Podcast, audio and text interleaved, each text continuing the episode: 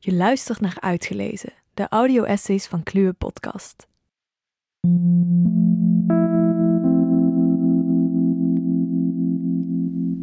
Bij Uitgelezen vind je audioversies van filosofische essays die wij de moeite waard vinden. In dit miniseizoen zijn dat teksten over de bizarre situatie waar we ons in het voorjaar van 2020 plots in bevinden: de wereldwijde verspreiding van het coronavirus. Je luistert in deze aflevering naar een tekst van filosoof Bart Engelen over waarom nudging-technieken een noodzakelijk onderdeel zijn van een krachtige aanpak van de coronacrisis. Je kunt de tekst ook lezen op de filosofische blog bij naderinzien.com. Nudges in de strijd tegen corona. Waarom nudging-technieken een noodzakelijk onderdeel zijn van een krachtige aanpak van de crisis. Deze tekst is geschreven op 20 maart 2020 en beschrijft de situatie op dat moment. Verschillende landen, zoals Nederland en het Verenigd Koninkrijk, hebben ondertussen strengere maatregelen genomen. De volgende afwegingen omtrent het informeren en adviseren van de bevolking, dan wel opleggen en afdwingen van strengere regels en of nudgen van mensen, blijven relevant voor landen waar de coronapandemie nog maar begint maar ook voor landen waar de maatregelen minder streng, maar nog niet helemaal afgeschaft worden. De coronapandemie heeft een gigantische impact op onze manier van samenleven. Overal waar de uitbraak zich doorzet, zijn de uitdagingen gigantisch. Om potentieel desastreuze medische, economische en psychologische gevolgen te voorkomen, nemen overheden steeds strengere maatregelen. Terwijl veel landen, waaronder België, samenscholen verbieden en niet-essentiële winkels sluiten, gaan Nederland en het Verenigd Koninkrijk voorlopig nog niet zo ver.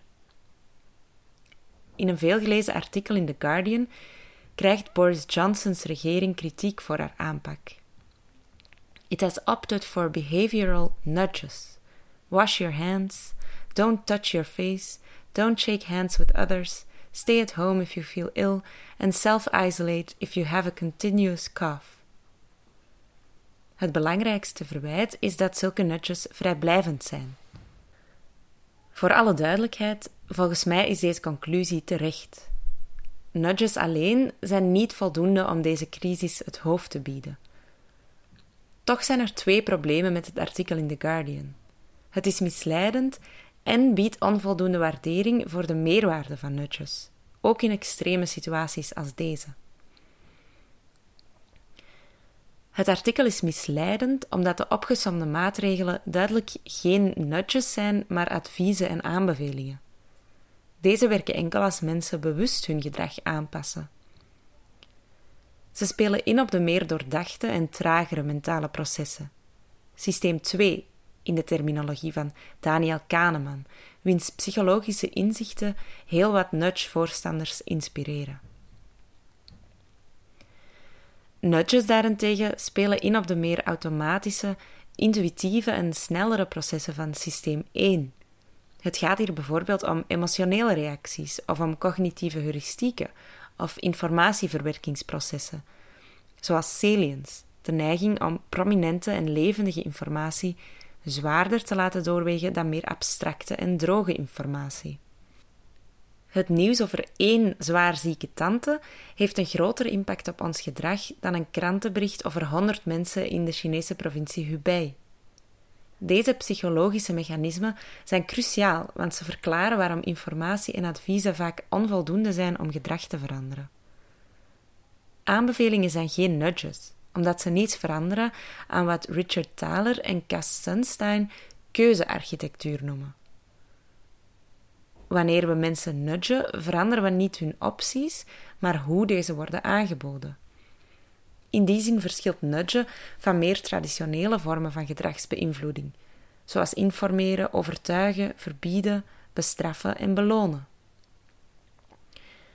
Bekende voorbeelden van nudging zijn dan ook het inrichten van cafetaria's, gezondere opties op ooghoogte, het zorgvuldig framen en levendiger maken van informatie, printjes van kapotte longen op tabaksverpakkingen en het veranderen van defaults of standaardopties.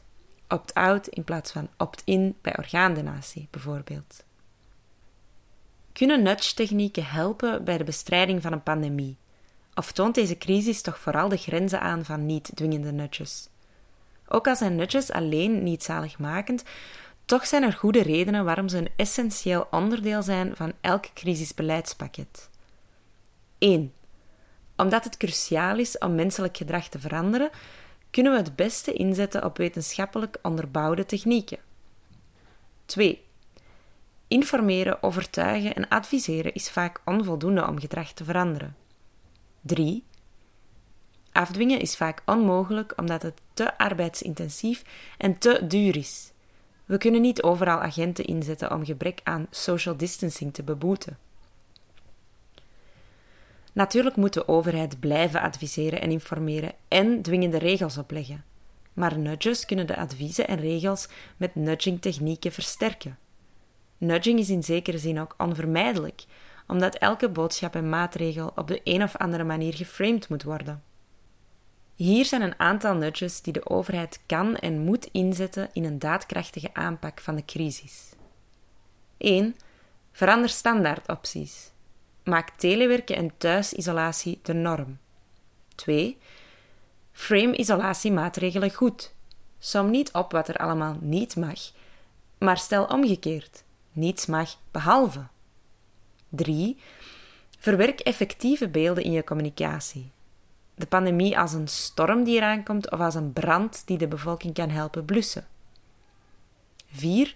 Gebruik heldere visualisaties en persoonlijke getuigenissen in plaats van enkel abstracte statistieken om de ernst van de situatie over te brengen. En 5. Maak concreet wat social distancing inhoudt, bijvoorbeeld met behulp van een stok van anderhalve meter. Ook bedrijven en organisaties kunnen heel wat nudges implementeren. Zo kunnen supermarkten en publieke plaatsen fysiek zo heringericht worden dat mensen automatisch meer afstand houden. En natuurlijk zijn er tal van nudges die je zelf kan toepassen. 1. Zing twee keer Happy Birthday, of beter nog Jolene bij het handenwassen. 2. Hang kleurrijke stickers op je zeepdispenser of een paar ogen boven je kranen. 3. Werp een boze blik als je mensen ziet hamsteren. 4. Maak een dagritmekaart om je kinderen ook thuis de nodige structuur te bieden. En 5. Gebruik de Pomodoro-techniek om uitstelgedrag tegen te gaan bij telewerken. Al zijn deze eenvoudige en goedkope nudges makkelijk te negeren, toch zijn ze doeltreffend. Ze helpen bij het veranderen van gewoontes en het doen naleven van nieuwe normen. Psychologische en gedragswetenschappelijke inzichten over de werking van de menselijke geest helpen dus niet alleen om de angst te verklaren die door deze pandemie wordt veroorzaakt. Kennis over de invloeden van omgevingsfactoren kan ingezet worden door overheden, bedrijven en onszelf om ons gedrag aan te passen. Zonder dat laatste zal het ons helaas niet lukken deze crisis afdoende aan te pakken. Dit was Uitgelezen, de audio-essays van Kluwe Podcast. Met deze keer een audio-essay van filosoof Bart Engelen.